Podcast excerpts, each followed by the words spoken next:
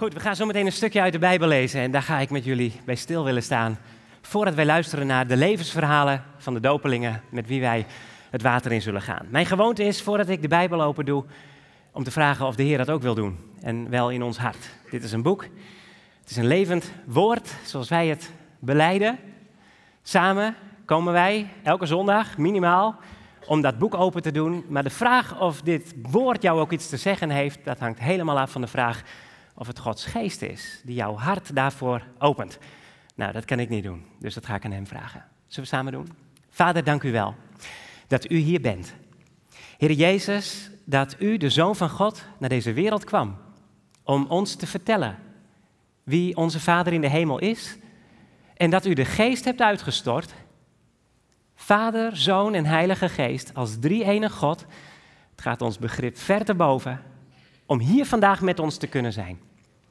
En wij vragen u, Heilige Geest, open onze harten. Mogen wij horen wat u ons wilt zeggen. Wilt u daar nieuw leven uit voort laten komen? Want u bent God en u bent de schepper van nieuw leven. Zegen ons hoofd voor hoofd. Gaat u door de rijen, raak ons aan en geef ons leven. Heer, ik bid u dat u geloof zult schenken, dat we mogen zien dat u het leven wilt geven, ook als we vandaag dood zijn.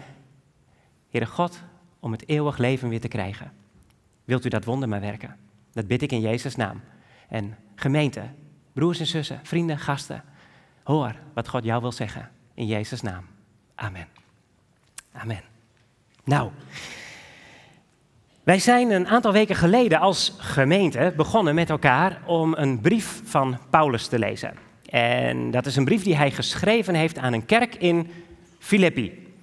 En overwegend, Heere God, waar zal ik over spreken? Als er een doopdienst komt, zit je soms met de vraag: blijf ik even in de serie? Of, uh, of leent deze gelegenheid zich ervoor om een uitstapje te maken en specifiek te kijken naar het feit dat er niet alleen dopelingen zullen zijn, maar ja, toch ook vaak wel gasten die voor het eerst misschien wel hier zijn. Heere God, wat, wat mag ik delen vandaag met iedereen die hier komt? En ik uh, heb geloofd dat het goed is om vandaag door te gaan in die serie waarin wij zitten, omdat de woorden die Paulus heeft geschreven, bijna 2000 jaar geleden, die wij vandaag gaan lezen, volgens mij naadloos passen op ook dat getuigenis dat we gaan horen in jullie levens en in het verlangen dat God heeft ook voor jou vandaag. Je zit hier niet zonder reden en God wil je iets schenken. Nou, die brief aan Filippi, die heeft Paulus geschreven aan een gemeente. Je, je hoort mij dat woord al vaker zeggen. Ik zei het net ook in gebed, we hebben iets gemeenschappelijk met elkaar. We hebben ontdekt, wij, wij horen bij elkaar. En in een dienst als deze, en de tweede dienst straks, als er ruim 25, 26 mensen lid zullen worden van de gemeente, dan hebben zij met elkaar ontdekt in hun leven, deze stap, die willen wij zetten, omdat Jezus dat van ons vraagt. Het is niet niks als je zegt, ik ga anno 2024 in een bak water staan en iedereen mag weten wie Jezus is in mijn leven en ik wil voortaan over Hem praten. Maar tegelijk zeg ik daarmee, Heer Jezus, als u zegt dat u de wereld nog wilt bereiken met hetzelfde eeuwige leven, met uw liefde, met uw genade, met uw warmte, met uw compassie, en u zegt ook, dan wil ik dat jullie gaan samenkomen. We zongen het net met elkaar. Breng ons samen. Dan kunnen we dat niet alleen doen. Wij staan niet op onszelf. Jezus heeft gezegd, ik wil mijn gemeente bouwen. Daar komen de kinderen van God samen. En vanuit de gemeente zal er een statement de wereld in mogen gaan. Dus daarom hebben jullie ook gezegd, we laten ons niet alleen dopen. Die doop is niet voor ons persoonlijk alleen. Die doop vindt plaats in de gemeente van Jezus Christus. En wij gaan onderdeel worden van die gemeente. Want Jezus heeft dat zo gezegd. Jezus heeft gezegd, ik wil mijn gemeente bouwen. En om zichzelf als voorbeeld te stellen, als het volmaakte voorbeeld, heeft hij zichzelf ook laten dopen. Hij was al lang onderdeel van het volk van Israël. Hij was besneden, hij had beleidenis gedaan. De hele rattenplan zat erop voor de Heer Jezus. En toen zei hij, ik ga iets nieuws beginnen. Ik ga een gemeente beginnen die boven alle kerkmuren uitstijgt. Die boven de wereld zal uitstijgen. Die de wereld zal omvatten. En daar gaan jullie bij zijn. Jullie willen daar onderdeel van uitmaken, omdat, omdat Jezus het van jullie vraagt. En Jezus heeft zich laten dopen. En daarom hebben wij gezegd, dan willen wij achter Hem aangaan. Als Hij dit van ons vraagt, dan willen we doen wat Hij van ons vraagt. Nou, Paulus schrijft dus brieven. En hij kiest er ook altijd voor eigenlijk om die brieven dan ook te schrijven aan collectieven, aan, gemeenten, aan een club mensen die in een specifieke stad samenkomt om daar kerk van Jezus Christus te zijn. En hij kijkt, hoe is het eigenlijk met jullie als kerk? En hij heeft zijn begin gemaakt, we hebben twee gehad, en in het begin heeft hij gezegd, beste Filippenzen, jullie hebben al vier jaar niks van mij gehoord. Hij zit in de gevangenis, hij zit in Rome, hij is vastgeketend aan een soldaat. En ze maken zich zorgen in Filippi. Maar hij zegt, maak je geen zorgen over mij. Als ik aan jullie denk, Filippi, dan word ik blij van binnen. In die kerk daar in Filippi waren de mensen volwassen aan het worden. Ze maakten geen ja, gedoe meer over kleine zaken. En, en, en Paulus zegt, ik hoop dat jullie daarin vast blijven staan. Ik zie dat er enigszins ja, scheuring dreigt te komen. Er beginnen zich meningsverschillen voor te doen, maar dit wil ik jullie zeggen. Als ik aan jullie denk, jullie hebben zo goed begrepen wat het evangelie betekent. Ik word altijd blij als ik aan jullie denk. En ik weet dat God afmaakt wat zijn hand is begonnen. En jullie maken je zorgen over mij, heeft Paulus gezegd. Dat was de preek van vorige week. Omdat ik vastgeketend zit aan een soldaat. Maar jongens, ik zit niet vast. Weet je het nog? Die soldaat zit aan mij vast. Zes uur lang zit een soldaat aan Paulus vast en dan komt de volgende en dan komt de volgende en dan komt de volgende.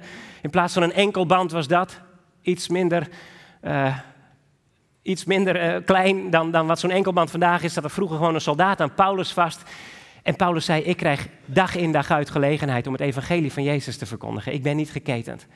En er zijn anderen die zeggen dat ze nu de kans hebben om mij misschien het leven zwaar en zuur te maken, omdat zij nu kunnen preken terwijl ik niet zou kunnen preken. Het maakt mij geen bal uit, zei Paulus. Het evangelie van Jezus wordt verkondigd. Als het evangelie maar verkondigd wordt. Ik wil dat Jezus bekend wordt. En God kijkt wel in de harten van al die mensen. En weet je, ten diepste, ik ben niet meer bang voor de dood, heeft hij gezegd. Ik vrees de dood niet meer. Want weet je, ik geloof, heeft Paulus gezegd, dat Jezus al gestorven is in mijn plaats. En dat, dat geloven jullie ook. Als we straks dat water ingaan, dan doen we dat omdat iemand anders 2000 jaar geleden gestorven is. En wij eigenlijk uitdrukking willen geven, wij gaan onder in het water, daar is geen leven mogelijk. Dat, dat, dat overleven wij niet. Maar Jezus is voor ons de hel doorgegaan. Heeft gehangen in de Godverlatenheid voor al mijn zonden. Voor al mijn zorgen, voor al mijn angsten. Mijn schuld heeft hij gedragen. Ik verlang ernaar om naar hem toe te gaan, heeft Paulus gezegd. Sterven is voor mij winst. Dus Filippenzen, maak je geen zorgen. En nu wil ik het omdraaien, zegt Paulus. En dan komen wij vandaag in vers 27 en dan lezen wij dus vier versen met elkaar. Omdat hij zegt, als ik hier zit, dan wil ik jullie vragen om zelf ook zo te leven. Daarom zegt hij, alleen. Blijf leven in overeenstemming met het evangelie van Christus. Zodat ik kan zien als ik bij jullie kom, of als ik niet kom, over jullie kan horen, dat jullie vaststaan in één geest. En eensgezind strijden voor het geloof in het evangelie. Laat je op geen enkele manier angst aanjagen door jullie tegenstanders, want als jullie standvastig blijven, is dat een teken van God. Voor hen dat ze ten onder gaan en voor jullie dat je wordt gered. Aan jullie is de genade geschonken, niet alleen in Christus te geloven, maar ook omwille van Hem te lijden. Jullie voeren dezelfde strijd die jullie mij vroeger hebben zien voeren en die ik, zoals je hoort, nog steeds voer. Oké, het ligt er niet om. Paulus zegt hier dat de mensen in Filippi, omdat ze Jezus volgen, ook zullen lijden. En, en al lijden. Ze voeren de strijd die ze vroeger Paulus zagen voeren. Voordat hij vastzat aan die soldaten en geen kant meer op kon eigenlijk, ging hij de wereld door en heeft veel meegemaakt. Heeft heel wat tegenstand ook gehad. Want het evangelie van Jezus Christus, dat gaat er niet vanzelfsprekend in. Dat stuit altijd op weerstand in deze wereld. En Paulus zegt, die strijd die ik heb gehad, die, die zullen jullie ook meemaken. We hebben een paar weken geleden met elkaar gesproken over de doop, ook in een ochtenddienst. En Jezus hoorde zeggen, als je me wilt volgen, dan moet je de kosten berekenen. Want je gaat achter mij aan. En ik heb geleden in jouw plaats. Weet je, ik geef je eeuwig leven. Ik geef je een volmaakte toekomst. Je zult thuiskomen. Ik schenk je het eeuwig leven. Ik hou veel van je. Maar in dit leven betekent het dat mensen je niet meer altijd zullen begrijpen. En dat je ook soms op verzet zult stuiten. Jullie zullen strijd meemaken. En Paulus maakt dat mee, daar in Rome. Maar in Filippi, iets verderop, duizend kilometer, zegt hij, daar weet ik dat hetzelfde is. Filippi was een, een Romeinse stad. En de Filippenzen, die waren maar wat trots dat zij eigenlijk Romeinen waren. En zij wilden in alles lijken op de burgers van Rome. En daar in Rome werd iemand aanbeden. Dat was niet Jezus Christus. Dat was de keizer. Dat zien wij in onze dagen ook. Ze vragen soms nog net niet aan de wereld om op haar knieën te vallen voor hun, maar er zitten machthebbers op tronen van deze wereld die zeggen: Ik ben God. En de keizer van Rome deed daar niet voor onder. Sterker nog, Nero was keizer in Rome. En het was een walgelijke vent. En die wilde God zijn. En deze mensen in Filippi, die wilden maar wat graag bij die God horen. Dus toen daar mensen kwamen die zeiden, ja, maar Jezus is God. Wij knielen niet meer voor de keizer. kwam hun dat duur te staan. Zij maakten een groot onderscheid. Zij deden niet meer mee met de wereld. Ook niet met alle kwaadsprekerij, met alle leugen en bedrog. Het werden eerlijke mensen die trouw werden, omdat de geest van God in hun hart ging wonen. En Paulus zegt, die strijd die je mij ziet voeren, die maken jullie ook mee. Ieder zijn eigen padje. Maar, maar houd vol. Laat je geen angst aanjagen. Want Jezus heeft de dood al overwonnen. En wij leven nu in Jezus' naam. Maar, kijk eens naar binnen, zegt hij dan. Dit wil ik wel aan jullie geven. Satan is de God van de dood. Maar God is de God van het leven, van het eeuwig leven. En als hij tegen je zegt, sta op uit de dood. Geloof in Jezus' naam. Dat hij voor jou aan het kruis is gestorven om je je zonden te vergeven. Dan geef ik je het eeuwig leven, zegt de Heer. Als je daarop vertrouwt.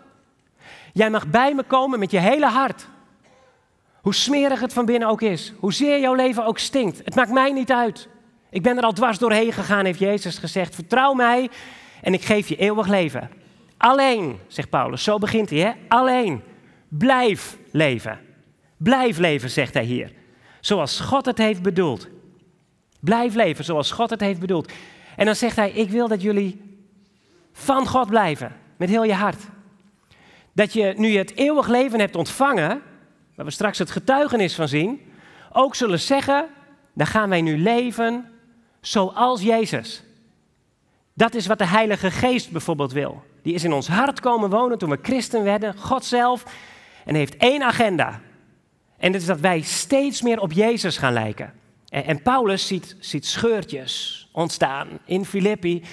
En hij zegt, jongens, blijf bij elkaar. Blijf eensgezind. Er zijn twee dames die hij bij naam durft te noemen zelfs, omdat hij van ze houdt. In hoofdstuk 4, vers 1, Iodia en Syntyche. En ze hebben samen met mij gestreden voor het evangelie. En nu kunnen ze elkaar niet meer pruimen.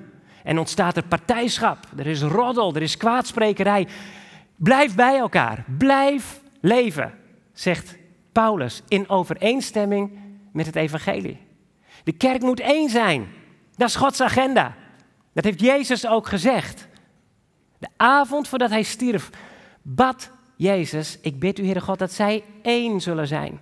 Eén gemeente. Daarom voeg je bij de gemeente en volg met ons Jezus. Want Jezus heeft beloofd, Vader, als zij één zijn, als zij van u houden, met heel hun hart, en u wordt weer God in hun leven, niet meer de carrière, niet meer het geld, niet meer mijn lichaam en wat ik wil, maar wat u wilt.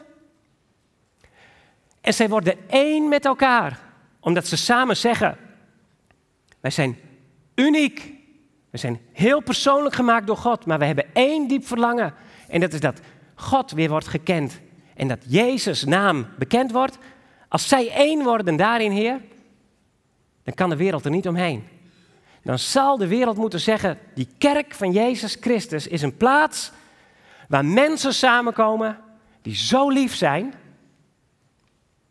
die zo vergevingsgezind zijn, die als ze op hun wang worden geslagen de andere wang toekeren. Die zelfs bereid zijn om onrecht te verdragen.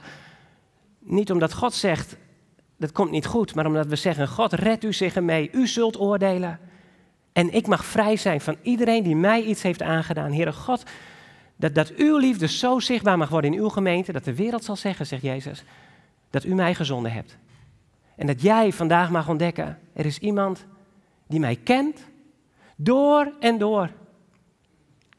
En die weet dat ik niet volmaakt ben, maar die zelf wel volmaakt is. En die tegen jou zegt vandaag, kom bij mij. Dan kan ik je zonde vergeven. Dan kan ik jou wassen. Dan kan ik jou nieuwe kleren aandoen en dan krijg je eeuwig leven en dan mag je bij mijn volk horen. Volg mij. En, zegt Paulus, dan blijf leven in overeenstemming met het evangelie van Christus. Oké. Wat is dat woord evangelie? Weet u wat het woord evangelie betekent? Er zitten eigenlijk twee Griekse woordjes in. Hoi is goed. En angelion is een engel. Een angelos is een engel. En het woordje engel hoor je daar al in. Is een, een boodschapper. Nieuws. Evangelion betekent goed nieuws. Dat is, dat het hele woord wat dit betekent. Ik wil dat jullie blijven leven in overeenstemming met het goede nieuws van Christus, staat hier. Dat, dat is wat Paulus zegt. Nou mensen, voordat wij naar het goede nieuws kijken. Wie van jullie heeft een abonnement op de krant? Toch drie, hè? Vier, vijf, zes. Gaat niet zo best, hè, met die kranten. en wie van jullie heeft een nieuws-app op zijn telefoon?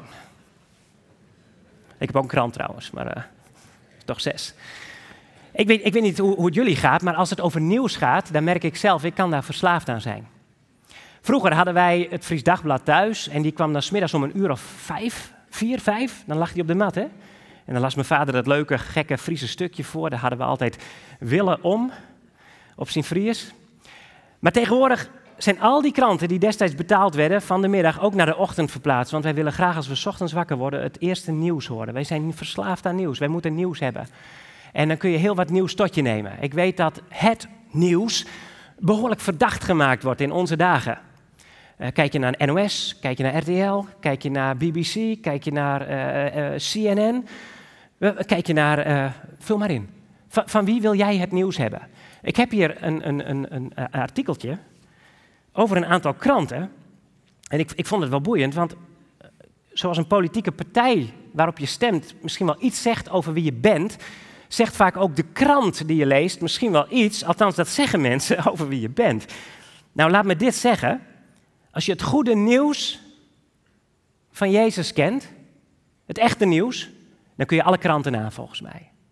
Dan kun je de wereld aan. Dan kun je ook het nieuws aan wat steeds maar over je heen spoelt. Maar we hebben zoveel kranten in Nederland. Ik las over het Algemeen Dagblad, dat is een van de grootste kranten van Nederland, dat, dat behoorlijk regionaal georiënteerd is. De krant verschijnt in tabloidformaat, dat doet er niet toe. Maar het heeft geen politieke of religieuze achtergrond. En dit maakt die krant betrouwbaar en onafhankelijk. Oké, dat is het Algemeen Dagblad. Dus omdat de krant niet politiek of religieus georiënteerd is, is de krant betrouwbaar en onafhankelijk. Lieve mensen, ik, ik hoop dat ik heel betrouwbaar ben, maar dat ik weet dat ik zeer afhankelijk ben van de schrijver van het goede nieuws. Gaan we zo naartoe. We hebben een telegraaf. Is een van de eenvoudigere kranten, staat hier. De koppen zijn vaak overheersend en trekken de aandacht. Oké, de krant is populair. Uh, praatjes. Even kijken. De krant omschrijft zichzelf als een krant voor de gewone man. En geeft in zijn statuten aan onpartijdig te zijn. Maar daarover verschillende meningen zie ik ook. Oké. Dan hebben we nog een Volkskrant, een Trouw, een Financieel Dagblad, een Parool. En waar haal ik dit uit? Je moet je bron vermelden altijd. Hè? Dit haal ik uit de Puttenaar. En dat is de krant van Putten. Die ken ik verder niet. Ik geef maar even aan mensen. Al die bronnen, al die bronnen met elkaar zeggen iets over hoe je sommig nieuws tot je moet nemen. En dan lees ik, we zoeken onafhankelijk nieuws. We zoeken betrouwbaar nieuws. We zoeken nieuws voor de gewone man. Zit hier een gewone man in de zaal? Eén, twee, twee gewone mannen. Jan en Gosten zijn nog oudsten ook, zeg. Wat een gewone mannen zijn dat toch. Top, top. mensen, mensen. Als hier staat, jongens, ik bid dat jullie bij dit nieuws blijven. Blijf leven. Jullie staan straks op uit het water en dan is het niet een kwestie van ik leef, blijf leven. Leef in Jezus' naam. Hoe doe ik dat? Door niet naar een gewone man te gaan, maar naar een opmerkelijke man. Die al 2000 jaar het verschil maakt in deze schepping. En dan mogen wij vandaag zien hoe broers en zussen opstaan uit het water en nooit meer gewone mensen zullen zijn. Want jullie gaan verschil maken in deze wereld. Zoals die Filippenzen daar in Filippi zeiden, wij knielen voor Jezus. En wij worden voortaan gekend omdat wij lieve mensen zijn. Omdat wij vergevingsgezinde mensen zijn.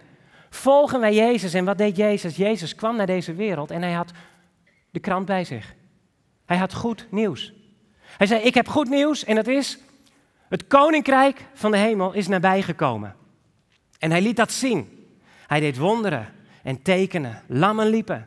Blinden kregen het zicht weer. Doden stonden op. Maar wat het meest fascinerende was, als Jezus aan zijn vrienden vroeg, wanneer de hele massa afhaakt, vanwege het feit dat hij zegt, ik moet wel sterven in jouw plaats. Je moet je leven inleveren. Je moet alles aan mij overgeven.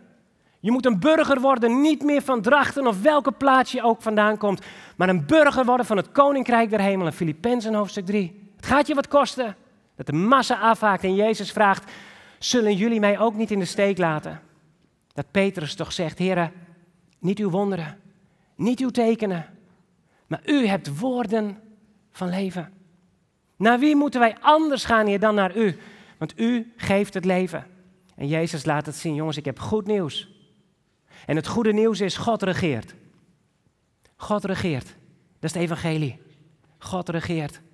Niet al die machthebbers waar al die kranten hun eigen meningen en achtergronden over spuien. Lees het maar, maar wees er ook vrij van, want God regeert. En, en ik ken de achtergrond van dat verhaal. Want ik heb een dikke krant van hem gekregen. Van Genesis tot openbaring ontdek ik, God regeert. En ik niet. En het slechte nieuws is, ik was reddeloos verloren. Want Gods koninkrijk is volmaakt. En wil ik leven, blijven leven, eeuwig leven, zoals God het heeft bedoeld, dan moet ik volmaakt zijn. Waarom? Omdat je bij God niet kunt aankomen met je leugens, met je bedrog, met je haat, met je bitterheid. Dat kan daar niet zijn, want God is volmaakt en het smelt weg als was. En er blijft niets van me over. Slecht nieuws. En dan komt Jezus en zegt: Goed nieuws. Goed nieuws. Ik ben geen gewone man. Ik ben de zoon van God. Ik wil de prijs voor je leven betalen. Ik wil in jouw plaats sterven. En als je op mij vertrouwt, dan ruil ik met je. Je zult nooit meer een gewone man zijn. Je zult nooit meer een gewone vrouw zijn. Ik ga je volstorten met mijn liefde en met mijn genade. En zo mag je verschil maken. Anno 2024. En Jezus heeft ons nog meer goed nieuws gegeven. Afgelopen zondag mochten we stilstaan bij het feit dat Jezus, als zou het een krant zijn, tot in detail heeft gezegd wat de tekens van de tijd zijn. Je kunt het terugzien. Wees klaar, want de koning komt. Alles is op een rij, Heere God, en u bent klaar om te komen. U hebt het ons verteld, er kan geen krant tegenop. Jezus leeft. En dat hij vandaag tegen ons zegt, leg je leven in mijn hand. Geef je over aan mij. En die uitnodiging staat als een huis van Jezus en jouw adres. Je gaat het horen in de getuigenissen van de dopelingen. Er is leven voor wie Jezus leert kennen. Ik ben geen gewone man, zegt Jezus. Ik ben in staat om de prijs voor jouw leven te betalen. En als je mij vertrouwt, geef ik je eeuwig leven. En als dat gebeurt, dan gaat Hij wonen in jouw leven. Dan ga je leven. En dan blijf je leven in overeenstemming met dat goede nieuws. Dat goede nieuws. Ik sluit af. Ik reed hier vanochtend naartoe met Aaron. Aaron doet techniek bij onze kinderen vanochtend. En we luisterden naar een liedje. U hoort ze wel vaker uit mijn mond komen. Ik hou van die mensen. Ellie en Rickert. en die zongen een liedje. En ik vroeg me af, Heer, hoe mag ik woorden geven aan dat leven? En, en, daar kan ik de rest van de dag over praten. Dat leven zoals Jezus het heeft bedoeld. Maar misschien is dit een mooie samenvatting vandaag. Jezus zegt, heb je vijand lief. En bid voor wie jou pijn doen. Zegen wie jou vervloekt. En Jezus heeft gezegd, ze zingen het, toen de spijkers door zijn handen en voeten gingen: Vader, vergeef het hun, want ze weten niet wat ze doen. Slaat iemand jou op je wang, keer hem ook de andere toe. Neemt iemand je mantel af, geef hem ook je hemd erbij. Dat is geen gewoon leven, hè? Dat is een leven achter Jezus aan. Dat kan alleen als je vrede hebt. Als je Jezus hebt leren kennen. Dan komt er liefde in onze harten. En dan bouwt God zijn kerk. En dat zien wij vandaag. Eén groot getuigenis van Jezus' liefde. Jullie gaan getuigen. God bouwt zijn gemeente. En hij nodigt jou vandaag uit. Blijf niet langer zitten, maar kom erbij. Ontvang eeuwig leven in Jezus' naam.